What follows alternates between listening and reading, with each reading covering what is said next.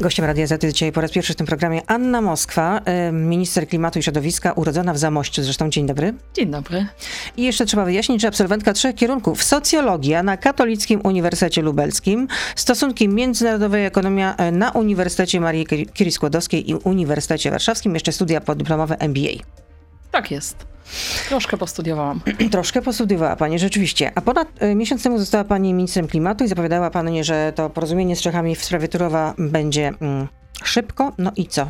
Kiedy ten kompromis? Bo przecież y, codziennie jednak licznik bije i naliczają nam karę. Pół miliona euro. Tak nam się wydawało, że to spotkanie z 5 listopada będzie spotkaniem ostatnim, szczególnie, że to było już 18 spotkanie ze stroną czeską. Dla mnie to było pierwsze.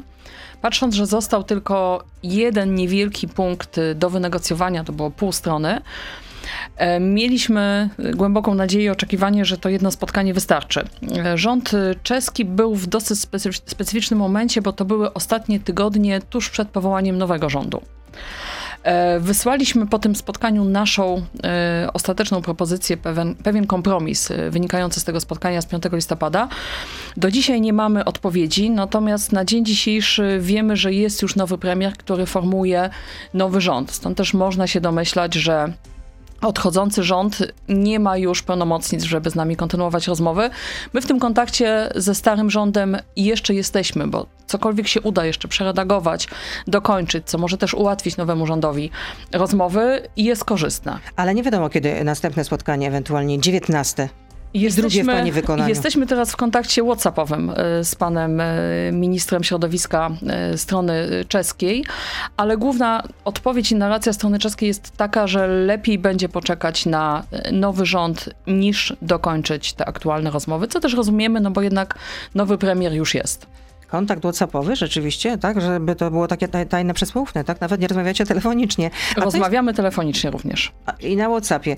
A y, co tak naprawdę było tą kością niezgody? Ten jeden punkt, który was dzieli, czyli który dzieli polski rząd i Czechów. Umówiliśmy się ze stroną czeską, że rozmowy będą do końca objęte poufnością. Strona czeska tego przestrzega, w związku z tym też będę chciała do ostatniego momentu dochować tajemnicę. No, ja będę drążyć jednak dalej. Czy tą kością niezgody jest to, że w ramach propozycji mm, ugody Polska miałaby płacić jednak duże pieniądze? 15 milionów euro na konto czeskiego rządu i 35 milionów euro na konto przygranicznego samorządu libereckiego. Y, cała umowa ma 17 stron i poza tą częścią finansową jest jeszcze dużo elementów związanych z monitoringiem środowiska i to jest ta główna część umowy. Monitoringiem wody, zarówno po stronie polskiej, jak i czeskiej, monitoringiem powietrza, I tych wszystkich elementów, e, które są szeroko pojętym elementem e, monitoringu środowiskowego, oczywiście czas obowiązywania umowy. Natomiast to, co jeszcze pozostało do negocjacji, to jest pół strony. Czyli na razie jesteśmy w martwym punkcie. Nie dała Pani rady. Czy jesteśmy w martwym punkcie? Hmm. Mamy do wynegocjowania jeszcze pół strony. No ale to pół strony was dzieli na tyle, że nie, nie można się po prostu przesunąć ani w prawo, ani w lewo. E, trudno powiedzieć, czy nas dzieli na tyle, ponieważ wcześniej ten punkt nie był przedmiotem rozmowy, tylko te pozostałe punkty, więc e, jeżeli udało się przebrnąć Ale chodzi o pieniądze dodatkowe, strony, które mielibyśmy zapłacić stronie czeskiej? Jeszcze jest pół strony do wynegocjowania. Ale czy chodzi o to, że mielibyśmy zapłacić dodatkowe, dodatkowe pieniądze jeszcze stronie czeskiej? Właśnie to, o czym wspomniałam, już, już nie wspominając o, o kwotach? 95% umowy jest już wynegocjowane, zostało jeszcze pół strony. Mhm. Czyli na razie martwy punkt, nie wiadomo kiedy w ogóle ta umowa zostanie dopięta i zostanie osiągnięty kompromis tak, żeby Czesi wycofali swoją skargę z SUE. Czyli y, wychodzi na to, że jednak chyba ta sprawa rozstrzygnie się przed SUE. Myślę, że trzeba odróżnić tutaj y, dwa tematy. Jeden temat to jest y, umowa pomiędzy nami a Czechami, w której główna część tej umowy to jest element dalszego funkcjonowania kopalni i współpracy transgranicznej między nami w zakresie funkcjonowania tej kopalni. Czyli to, o czym mówiłam, monitoring y, środowiska. Drugi element to jest y, nasz spór w CUE wniesiony przez stronę czeską. I ten spór w CUE y, nie dotyczy tych części środowiskowych, dotyczy potencjalnego naruszenia prawa, które mogłoby w Polsce wystąpić czy przy wydawaniu decyzji koncesyjnej, czy przy decyzji środowiskowej. Czyli ten spór w CUE się toczy bardziej z perspektywy formalnej. No środek tymczasowy, który został przez Trybunał nałożony w postaci y, potencjalnego Zamknięcia. zamknięcia y, kopalni i tej absolutnie niewspółmiernej do niczego kary finansowej, która zresztą miałaby trafić na konto y, europejskie, a nie konto strony czeskiej, czyli stronie czeskiej, nie daje nic. Y, to są dwa odrębne tematy. Ta umowa y, uregulowałaby codzienne relacje, komunikację i wymianę informacji między nami. I myślę, że zarówno dla nas, jak i dla strony czeskiej to jest kluczowe w tej umowie, bo bez względu na to, jaka y, kwota, mm, która by miała być przeznaczona na budowę infrastruktury, głównie y, wodnej po stronie czeskiej, byłaby wpisana, nie jest to najistotniejsze. Najistotniejsze jest to, że na stałe uporządkowalibyśmy te relacje w zakresie przekazywania informacji. A, a czy wiceminister e, sportu i turystyki Łukasz Mejza powinien podać się do dymisji albo powinien zostać odwołany? Nie będę tego y, komentowała, bo na co dzień nie obserwuję z bliska działalności pana y, ministra, Ale natomiast zna go pani y, osobiście? nie znam go W osobiście. ogóle nigdy z nim pani nie rozmawiała? Nie miałam Bo jak kontaktu. teraz wszędzie w rządzie, nikt z nim nie, nie rozmawiał, nikt go nie zna, chyba oprócz tylko Kamila Bortniczuka. Ale naprawdę po tym, co pani przeczytała, nie wiem, czy pani czytała doniesienia Wirtualnej Polski, czym zajmował się pan ministrem, czy zajmowała się jego e, firma. Trudno mi ocenić, czy doniesienia Wirtualnej Polski y, to są wiarygodne doniesienia, Są więc y, nie mogę tego skomentować. No ale wie pani, o czym mówię generalnie, że pan minister e, miał firmę, która obiecywała e, e, rodzicom nieuleczalnie dzieci, że te dzieci wyzdrowieją i proponował taką oto terapię, która nie ma medycznego potwierdzenia. W dodatku jeszcze ta terapia miała kosztować bardzo dużo. Cena wyjściowa to 80 tysięcy dolarów. Nie mogę tego potwierdzić, więc się nie odniosę.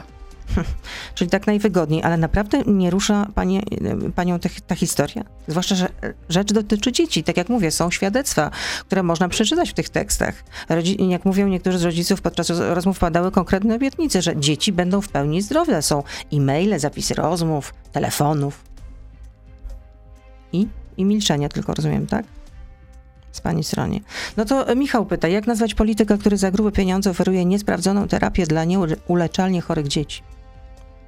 Nie jestem w stanie potwierdzić tych doniesień, więc potwierdzę to, że się do tego nie mogę odnieść w sposób wiarygodny i merytoryczny. Czyli y, w takim razie Łukasz Mejza powinien na razie pozostać w rządzie, rozumiem, tak?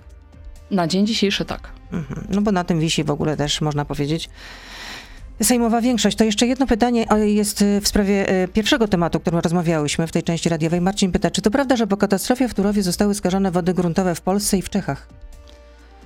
Nie ma żadnych dowodów y, i na pewno nie ma. y, Sytuacja Turowa nie ma związku z tym obecnym sporem. Oczywiście jest y, bardzo wielu przeciwników naszego porozumienia z Czechami. Myślę, że dużo tych doniesień. Nie oglądałam tego materiału w TVN, bo podejrzewam, że chodzi o ten materiał, więc nie mogę się też do tego odnieść. Natomiast jest wielu przeciwników naszego porozumienia się z Czechami i to widzimy w im bliżej jesteśmy tego porozumienia, tym więcej tej negatywnej rac- narracji w zakresie naszych relacji polsko-czeskich i relacji w zakresie y, Turowa i to na pewno nie pomaga we wzajemnych rozmowach. Ale komu miałoby na tym zależeć, żeby temu zaszkodzić? Y, Trudno mi powiedzieć, dlaczego by miało zależeć, y, bo komu, Ale to komu? myślę, że po tych ostatnich doniesieniach y, wątpliwości No to konkretnie nie mamy, bo rozumiem, że nasze porozumienie z Czechami byłoby porozumieniem pomiędzy rządami. Więc nie jest dobrze, gdyby nam się coś udało. Y, Tak odczytuję te wszystkie negatywne komunikaty na temat y, Turowa w ostatnim y, czasie. Natomiast spór między nami na dzisiaj nie jest sporem środowiskowym i to jeszcze raz podkreślam. Ale nie chce pani powiedzieć, komu na tym miałoby zależeć, żeby nam zaszkodzić, tak? Albo że kto kibicuje, żeby jednak nie doszło do tego porozumienia między dwoma rządami. No, trzeba by było zapytać tych, którzy generują te materiały negatywne.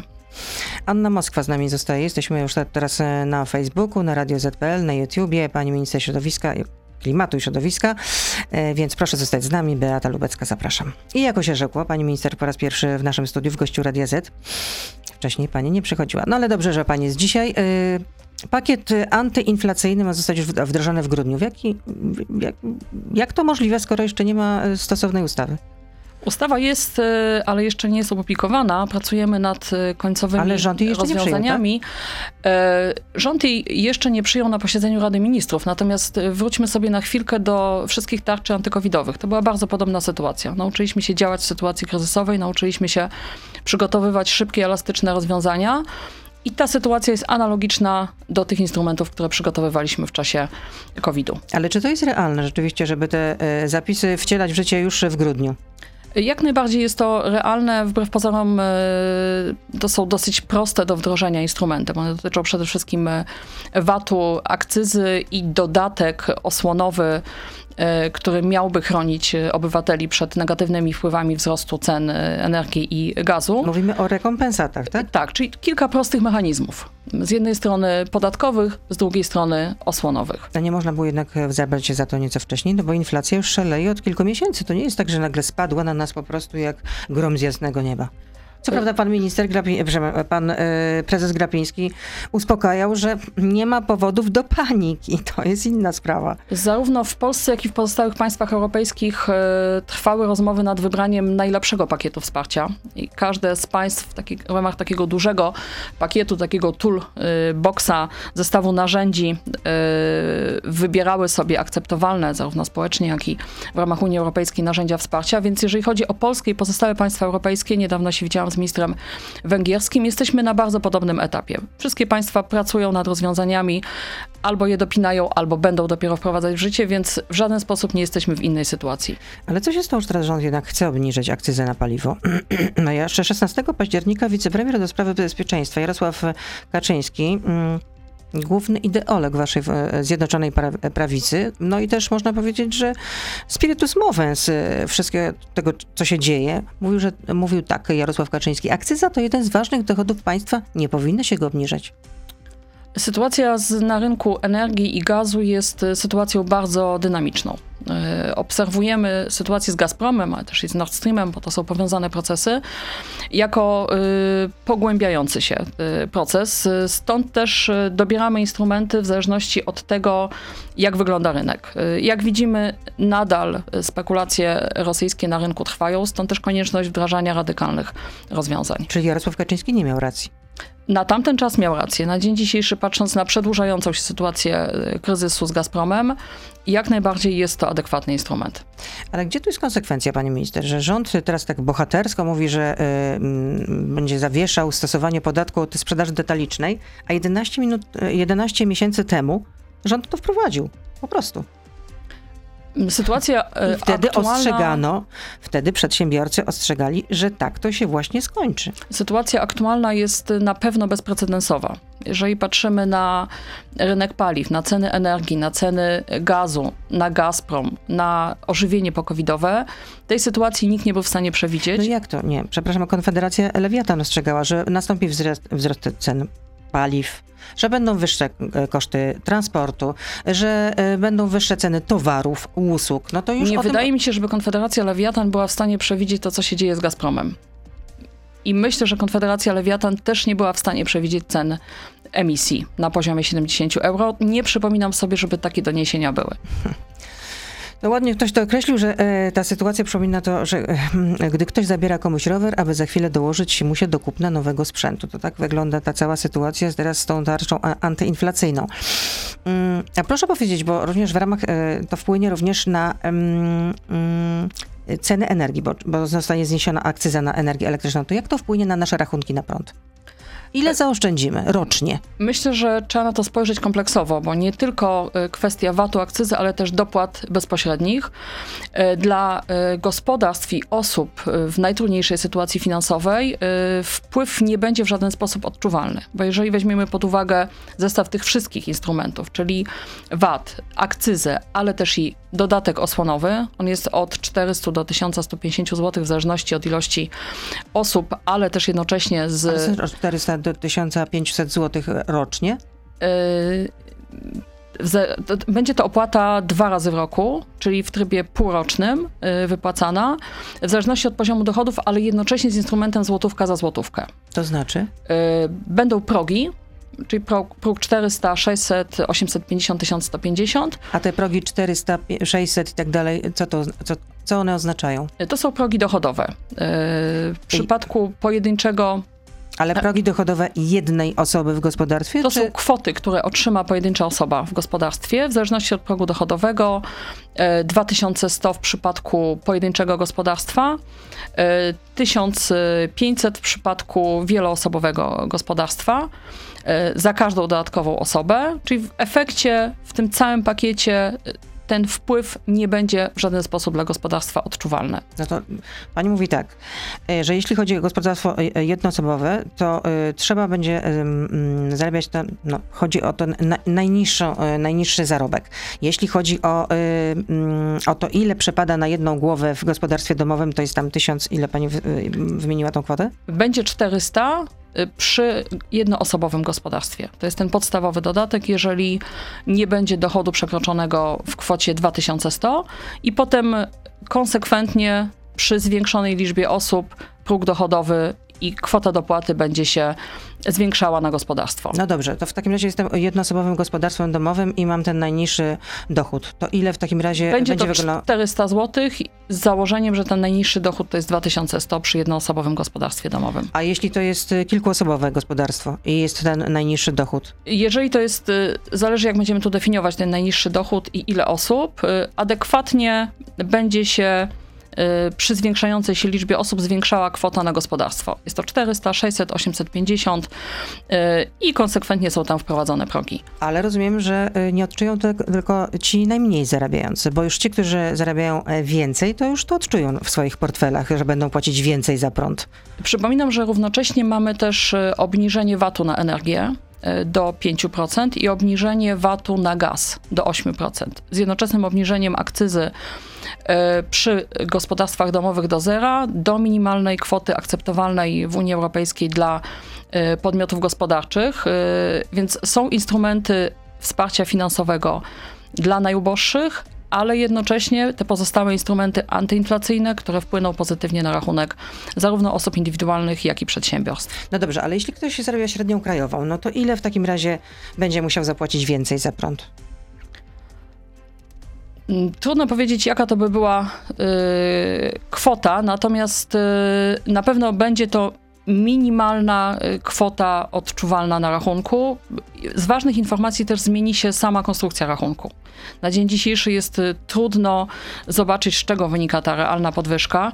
Rachunek będziemy rozbijać na najdrobniejsze szczegóły, żeby też zobaczyć, jaka jest kwota CO2, czyli tego dodatku emisyjnego, e, i mieć świadomość, co tak naprawdę na bieżąco wpływa na podniesienie kwoty na rachunku. Jeśli pani mówi, że to będzie minimalna kwota, którą odczujemy w swoim portfelu, no to jaki to może być rząd y, wielkości? W zależności od pojedynczego gospodarstwa i zużycia, y, to oczywiście będzie Y, w każdym wypadku inna y, kwota. Na pewno w najmniejszym stopniu dotknie ta podwyżka y, osoby w najtrudniejszej sytuacji finansowej. No, o tym już rozmawiałyśmy, no ale jeśli ktoś zarabia średnią krajową, no to ile będzie musiał więcej zapłacić za prąd? Czy to będzie kwota 20 zł miesięcznie, czy to będzie 30 średnio miesięcznie, czy to będzie 50 zł miesięcznie? Ostateczne ceny prądu nie są jeszcze zatwierdzone, jak pamiętamy. Prezes URE analizuje wnioski, które wpłynęły, więc nie znamy jeszcze tych ostatecznych kwot, więc nie jesteśmy w stanie podać końcowej kwoty. Na pewno ta grupa osób średnio zarabiających nie będzie też znacząco dotknięta również przez instrument VAT-u i akcyzy. No dobrze, ale od nowego roku też będziemy płacić wyższą y, tak zwaną opłatę mocową, tak czy nie? Będziemy płacić wyższą opłatę mocową. No i czytam, że w 2020 roku, 2022 roku, czyli w przyszłym roku, gospodarstwo domowe zapłaci rocznie 139,68 groszy nowej opłaty. Iluosobowe gospodarstwo? Gospodarstwo domowe. Kwota opłaty będzie w kolejnym roku rzeczywiście zwiększona. Chociażby o taką, chociażby o tą opłatę mocową. Czyli nie można powiedzieć, że, czyli, a, a przepraszam, a ci naj, najmniej zarabiający też będą musieli płacić tą opłatę mocową? Rynek, y, faktura konkretna za energię, bez względu na to, kogo dotyczy, wygląda tak samo.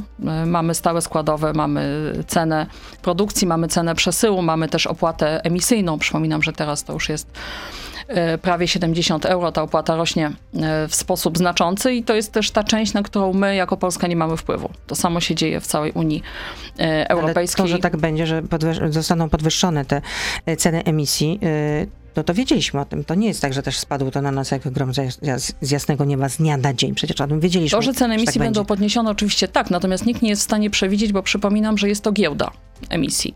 Jednym z ważnych elementów, na który nikt nie ma wpływu, to jest udział instytucji finansowych i potencjalnych spekulacji. E, nie jesteśmy w stanie ich wymienić z nazwy, bo jest to rynek kontrolowany stuprocentowo przez instytucje Unii Europejskiej, a z racji tego, że jest giełdowy, to e, de facto jest w ograniczonym stopniu kontrolowany. Natomiast udział instytucji finansowych e, na tym rynku zwiększył się z 21 do 27%.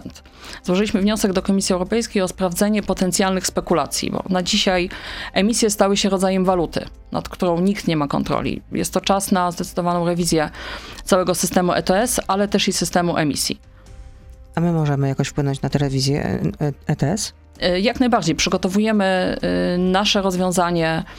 Natomiast do przygotowania go w pełni potrzebujemy informacji, jak ten rynek, szczególnie rynku finansowego, na dzisiaj wygląda. I mamy nadzieję, że po tej naszej prośbie interwencji Komisja Europejska przygotuje taki raport i będziemy w stanie lepiej przygotować instrumenty, które mogłyby ten rynek reformować. Cały pakiet FIT jest w dużej mierze też zmierzające do reformy ETS-u i pracę nad FIT-em chcemy również do tego Fit wykorzystać. For 55, rozumiem, że Dokładnie tym mówimy, tak, tak? gotowi na 55.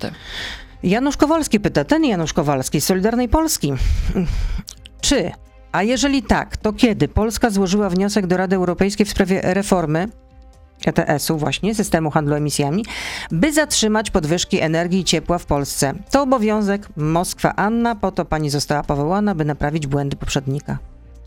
Złożyliśmy dwa wnioski. Pierwszy wniosek to jest ten, o którym wspomniałam, czyli zbadanie rynku spekulacji, bo to jest ta pierwsza i podstawowa informacja, której potrzebujemy, żeby mieć pełen obraz, jak na dzisiaj ETS wygląda. Drugi, y, częściowo powiązany, to jest prośba o zbadanie sytuacji z Gazpromem i potencjalnego wpływu na, na, cenę energii. Na oba raporty czekamy. Nie wydaje nam się, żeby pojawiły się w grudniu. Mamy nadzieję, że w styczniu na radach w czasie prezydencji francuskiej takie dane już będą dostępne. No i jeśli będą dostępne, to co dalej? Przygotowujemy rewizję ETS-u. Nie jesteśmy w tym odosobnieni, bo nie tylko Polska nie jest zadowolona z systemu funkcjonowania opłat emisyjnych. W ramach różnych dokumentów, które będą w FICie rewidowane, będzie dobra okazja, żeby temu systemowi się na nowo przyjrzeć. Na dzień dzisiejszy budujemy koalicję z państwami, które w takim samym stopniu jak my nie są zadowoleni. I tutaj wątek czeski. W drugim roku, w drugiej połowie kolejnego roku Czesi przejmują prezydencję w Unii Europejskiej. To jest bardzo dobry czas, żeby budować właściwe relacje z naszą stroną czeską, bo to, co nas łączy, to na pewno wyzwanie transformacji energetycznej, ale też wyzwanie ETS-u. Strona czeska tak samo jest niezadowolona z tego systemu. Systemu emisji. Ale w tej koalicji kto miałby się znaleźć? Pani mówi, że budujemy koalicję po to, żeby zrewidować jednak te zasady. No to kto w tej koalicji miałby się znaleźć? Jest różny poziom niezadowolenia z różnych elementów w różnych państwach. Mamy to wszystko zidentyfikowane, w których obszarach możemy współpracować. Pan Ale minister... z kim chcemy współpracować? Czy z kim będziemy współpracować? Będziemy współpracować ze wszystkimi państwami europejskimi w różnych aspektach bo system ETS to nie jest system, który można określić na jednej linijce. Tak, tam jest dużo elementów tego systemu. Doszedł też nam system CBAM, to jest nowa propozycja Unii Europejskiej, podatku emisyjnego, który by wyrównywał te niesprawiedliwości, które na rynku są. Czyli dzisiaj, jeżeli europejska firma decyduje się przenieść produkcję za granicę albo państwo typu Chiny, Rosja, Indie czy inne państwo, które nie jest objęte systemem ETS, produkuje u siebie bez tych obciążeń emisyjnych i obciążeń podatkowych, które my mamy, może następnie te produkty eksportować do państw Unii Europejskiej, nie ponosząc obciążenia emisyjnego, czyli tym samym staje się cenowo bardziej konkurencyjna. Ten podatek CBAM, który jest w pakiecie FIT, miałby te niesprawiedliwości wyrównać, więc jest to kolejny element rewizji ETS-u i zmiany podejścia, bo ETS to nie jest tylko kwestia wysokości sposobu naliczania, ale całego systemu niesprawiedliwości, który przez lata się nagromadził. A kto miałby się znaleźć w tej koalicji, którą budujemy? W tej koalicji, w zależności od aspektu, mamy różne państwa. Innie, inaczej wygląda koalicja dla pakietu SIBAM, inaczej wygląda koalicja dla analizy spekulacji na rynku ETS-u, inaczej wygląda... No to skupmy się na ETS-ie. Inaczej wygląda też koalicja, bo są też pomysły rozszerzenia ETS-u, na przykład o paliwa i o budynki. I tu też inaczej wygląda nasza koalicja w tym aspekcie. ETS... No dobrze, ale to w takim razie jak wygląda nasza koalicja, jeśli chodzi o ETS? Ściśle już skupmy się na tym. Tak jak mówiłam, ETS to nie jest jedno zdanie, tak? W ramach pakietu ETS budujemy koalicję do różnych jego elementów, tam gdzie możemy znaleźć poparcie. No ale mogę pani wymienić chociaż jakieś dwa y, państwa, z którymi tę koalicję chcemy stworzyć, budujemy, jak pani mówi. Na dzień dzisiejszy rozmawiamy ze wszystkimi państwami europejskimi. W prasie jeszcze czytam, że resort klimatu, czyli pani resort, przygotował taki projekt rozporządzenia, który określa nową wysokość opłaty y, kongeneracyjnej. I te pieniądze mają płynąć do y, takich spółek, które jednocześnie produkują, wytwarzają i ciepło, i energię. I ta opłata teraz wynosi 0 zł, a w przyszłym roku miałaby wynosić 4 zł 60 groszego. Za meta, y, grosza, przepraszam bardzo, za megawattogodzinę. A to oznaczałoby, że jednak rachunki za prąd pójdą w górę również. Opłata e, kogeneracyjna jest to opłata, która trafia na konta spółek i pozwala im z funduszu kogeneracyjnego tą kogenerację, czyli produkcję ciepła między innymi, e, realizować skutecznie. E, Wysokość tej opłaty wynika wprost ze wzoru, który jest wpisany w ustawę i ten wzór ma zapewnić spółkom możliwość realizacji, ta kwota, która wynika z tego wzoru, ma zapewnić spółkom możliwość realizacji działalności e, kogeneracyjnej. E, wynosiła ona 0 złotych. E, w wyniku tego rozporządzenia, które jest procedowane, to będzie 4 zł. Jeżeli chodzi o przełożenie no, na... Tak jak powiedziałam, ale to jednak przełoży się na nasze rachunki. Tak Jeżeli tak, chodzi o przełożenie na rachunek, to będzie do 10 10 zł rocznie na gospodarstwo domowe. No czyli de facto, jak sobie e, podsumujemy, że będziemy płacić nową opłatę, tą, znaczy wyższą opłatę mocową, potem jeszcze to średnie obciążenie wynoszące z tego, o czym rozmawiałyśmy, czyli opłata kongeneracyjna, czyli już wiadomo, że będziemy rocznie płacić więcej, prawie 150 zł rocznie. Z jednoczesnym obniżeniem VAT-u, akcyzy i dodatkiem osłonowym.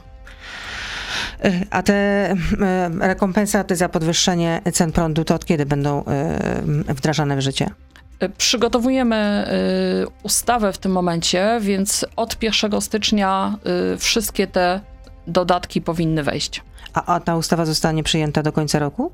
Nie ma zagrożenia, że nie zostanie przyjęta. A na jakiej jest, jest etapie, jeśli chodzi o pisanie tej ustawy? Jest przygotowana. Czyli właściwie można już, rząd mógłby się nią zająć? Rząd się nią w tym momencie zajmuje. Ale to dziś na przykład się zajmie na, bo dzisiaj jest wtorek akurat, posiedzenie rządu. W dniu dzisiejszym nie zostanie przyjęte, ale przypominam, że mamy jeszcze tryby obiegowe. Mhm. Dobrze, co innego re rekompensaty? Jest, jest jeszcze, czy rekompensaty to jest to samo, co jest y, bon energetyczny? Na dzień dzisiejszy to jest to samo. E, były różne pomysły, tak jak mówiłam, z tego dużego pakietu narzędziowego. Były różne pomysły wspierania odbiorców indywidualnych i przedsiębiorstw. To rozwiązanie w postaci dodatku osłonowego jest rozwiązaniem optymalnym. Nie trafia wyłącznie do odbiorców energii i ciepła, nie powoduje konieczności gromadzenia dodatkowych faktur, rachunków czy e, przedstawiania umów, ale jednocześnie też kompleksowo e, mityguje te wszystkie elementy związane ze wzrostem cen energii czy gazu, tak jak na przykład wzrost cen żywności i trafia jednocześnie bezpośrednio do odbiorcy. Czyli rekompensata to to samo co bon energetyczny i trafi do tych, którzy zarabiają najmniej. Można tak to ująć. I to dotyczy jakiej liczby y, Polaków? Łącznie, y, biorąc pod uwagę wszystkie kwoty i progi, będzie to ponad 5 milionów gospodarstw domowych. A reszta będzie płaciła po prostu więcej, bez żadnych rekompensat. Przypominam o obniżce VAT-u i akcyzy, która no dotyczy i... wszystkich rachunków, wszystkich odbiorców. No, ale nie odpowiedziała Pani, ile w I dotyczy razie, również przedsiębiorców. Ile zaoszczędzimy, jeśli e, po tych zmianach w, w, w ramach tej e, tarczy antyinflacyjnej? Nie powiedziała Pani tego. Ile rocznie zaoszczędzimy, czy miesięcznie? Każdy zaoszczędzi inną kwotę, na pewno nikt nie poniesie Ale są jakieś pełnej kwoty pewne. Na pewno są podwyżek. E, cen i energii i gazu. Są pytania od słuchaczy do pani minister Anny Moskwy. Dane publiczne pytają. Premier Morawiecki powiedział tydzień temu, że Polska jest dziś liderem e, elektromobilności w Europie. No w Niemczech w tydzień rejestruje się tyle elektryków, co w Polsce w rok. No to jak można powiedzieć, że jesteśmy tutaj liderem? Mamy przygotowane rozwiązania legislacyjne, jeżeli chodzi o elektromobilność, ale jednocześnie przypominam, że Narodowy Fundusz Ochrony Środowiska i Gospodarki Wodnej uruchomił wsparcie finansowe, zarówno dla samorządów, jak i dla osób indywidualnych e, na zakup samochodu elektrycznego, ale jednocześnie stacji ładowania, bo równie dużym wyzwaniem jest e, zakup samochodu elektrycznego, jak i ładowanie tego samochodu. I nie możemy rozwijać dużej ilości samochodów bez równoczesnego rozwoju infrastruktury, zarówno tej dla samochodów indywidualnych, indywidualnych, jak i transportu miejskiego, ale też równocześnie to jest coś, czym się możemy pochwalić, to jest rozwój transportu wodorowego. Tutaj jako Polska e, stajemy się liderem. Przypominam, że mamy już i autobus, jesteśmy w stanie też wyprodukować lokomotywę wodorową, więc zarówno elektryczne samochody, ale też i wodór są to na pewno e, transporty paliwa przyszłości. A ile limuzyn rządowych to są e, samochody elektryczne? Nie potrafię powiedzieć, ile w skali y, wszystkich resortów, chociaż na pewno jest to y, policzone. Y, natomiast my jesteśmy odpowiedzialni za wprowadzanie jak największej ilości niskoemisyjnych i zeroemisyjnych samochodów we wszystkich ministerstwach. A pani jeździ I takim elektrykiem? Po mieście, jako pani minister? Po mieście jeżdżę takim elektrykiem. I dzisiaj pani też przyjechała tutaj do... Dzisiaj przyjechałam do... hybrydą. A, dzisiaj hybrydą. Czyli nie jest pani w stanie powiedzieć, ile, y, ilu ministrów y, jeździ elektrykami, jak to się mówi. Nie potrafię powiedzieć, natomiast jeżeli to jest tak nie, niezwykle istotna dana, mogę ją dostarczyć w późniejszym terminie. To bardzo proszę, to wydają słuchacze. E, Jacek pyta, mm, dlaczego rząd zachęca do przechodzenia na samochody elektryczne? Przecież nie mamy elektrowni jądrowych, czyli im więcej samochodów elektrycznych, tym więcej węgla potrzebnego do elektrowni węglowych. To co w tym jest ekologicznego?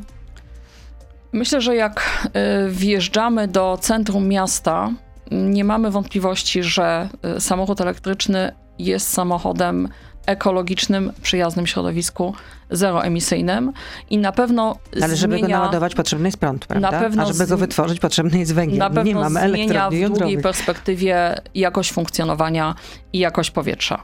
Nie bez przyczyny miasta na całym świecie E, tworzą strefy zamknięte e, od transportu, gdzie w równym stopniu, w mniejszym stopniu, ale ciągle w dużym są e, uzależnione od energii.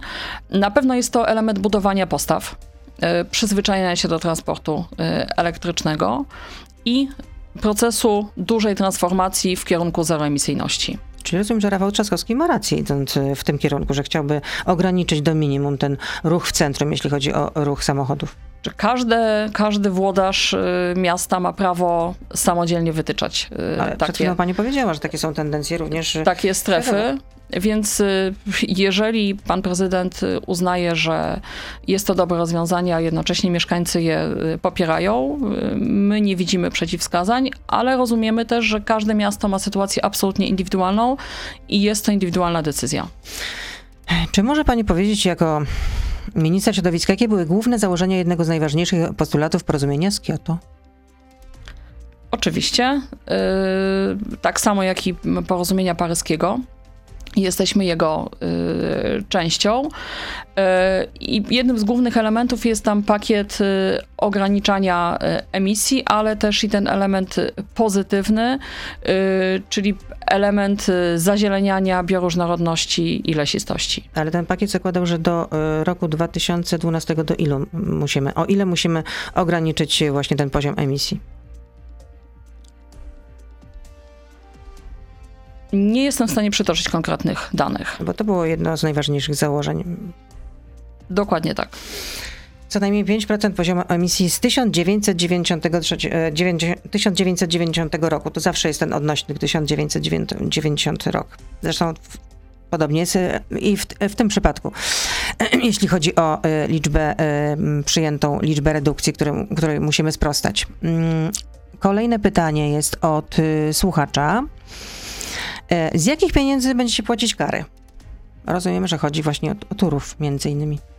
Na dzień dzisiejszy nie zapłaciliśmy jeszcze e, żadnej kwoty. Spór jest. E, Ale Komisja Europejska może sobie z tym poradzić. Po prostu będzie to, nam dotacje. Będzie to problem Komisji Europejskiej. Na dzień dzisiejszy ta kara nie jest w żaden sposób uzasadniona, ani co do sposobu jej wymierzania. Przypominam jednoosobowy skład, y, bez dowodów, bez wysłuchania stron w trybie natychmiastowym.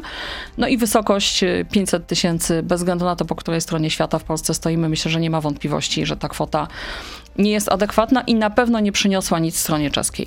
Sebastian pyta, co z ekogroszkiem? Kiedy spadną ceny? Ekogroszek to jest y, ostatnio bardzo istotny temat w debacie y, publicznej. Analizujemy to y, rozwiązanie zarówno co do nazwy, jak i co do kwoty, co do ceny. Nie jestem w stanie powiedzieć, jesteśmy w trakcie analiz. Tatiana pyta, czy docierają do pani minister skargi mieszkańców Biskupca na Warmii na inspekcję ochrony środowiska w sprawie fabryki płyt wiórowych, jeśli chodzi o uciążliwości odorowe, czyli rozumiem, że brzydko pachnie. Kiedy się pani tym zajmie? Nie znam tej sytuacji, natomiast y, nie sądzę, żeby Inspekcja Ochrony Środowiska pozostawiła bez interwencji jakiekolwiek doniesienie, skargę czy informację o naruszeniu w środowisku.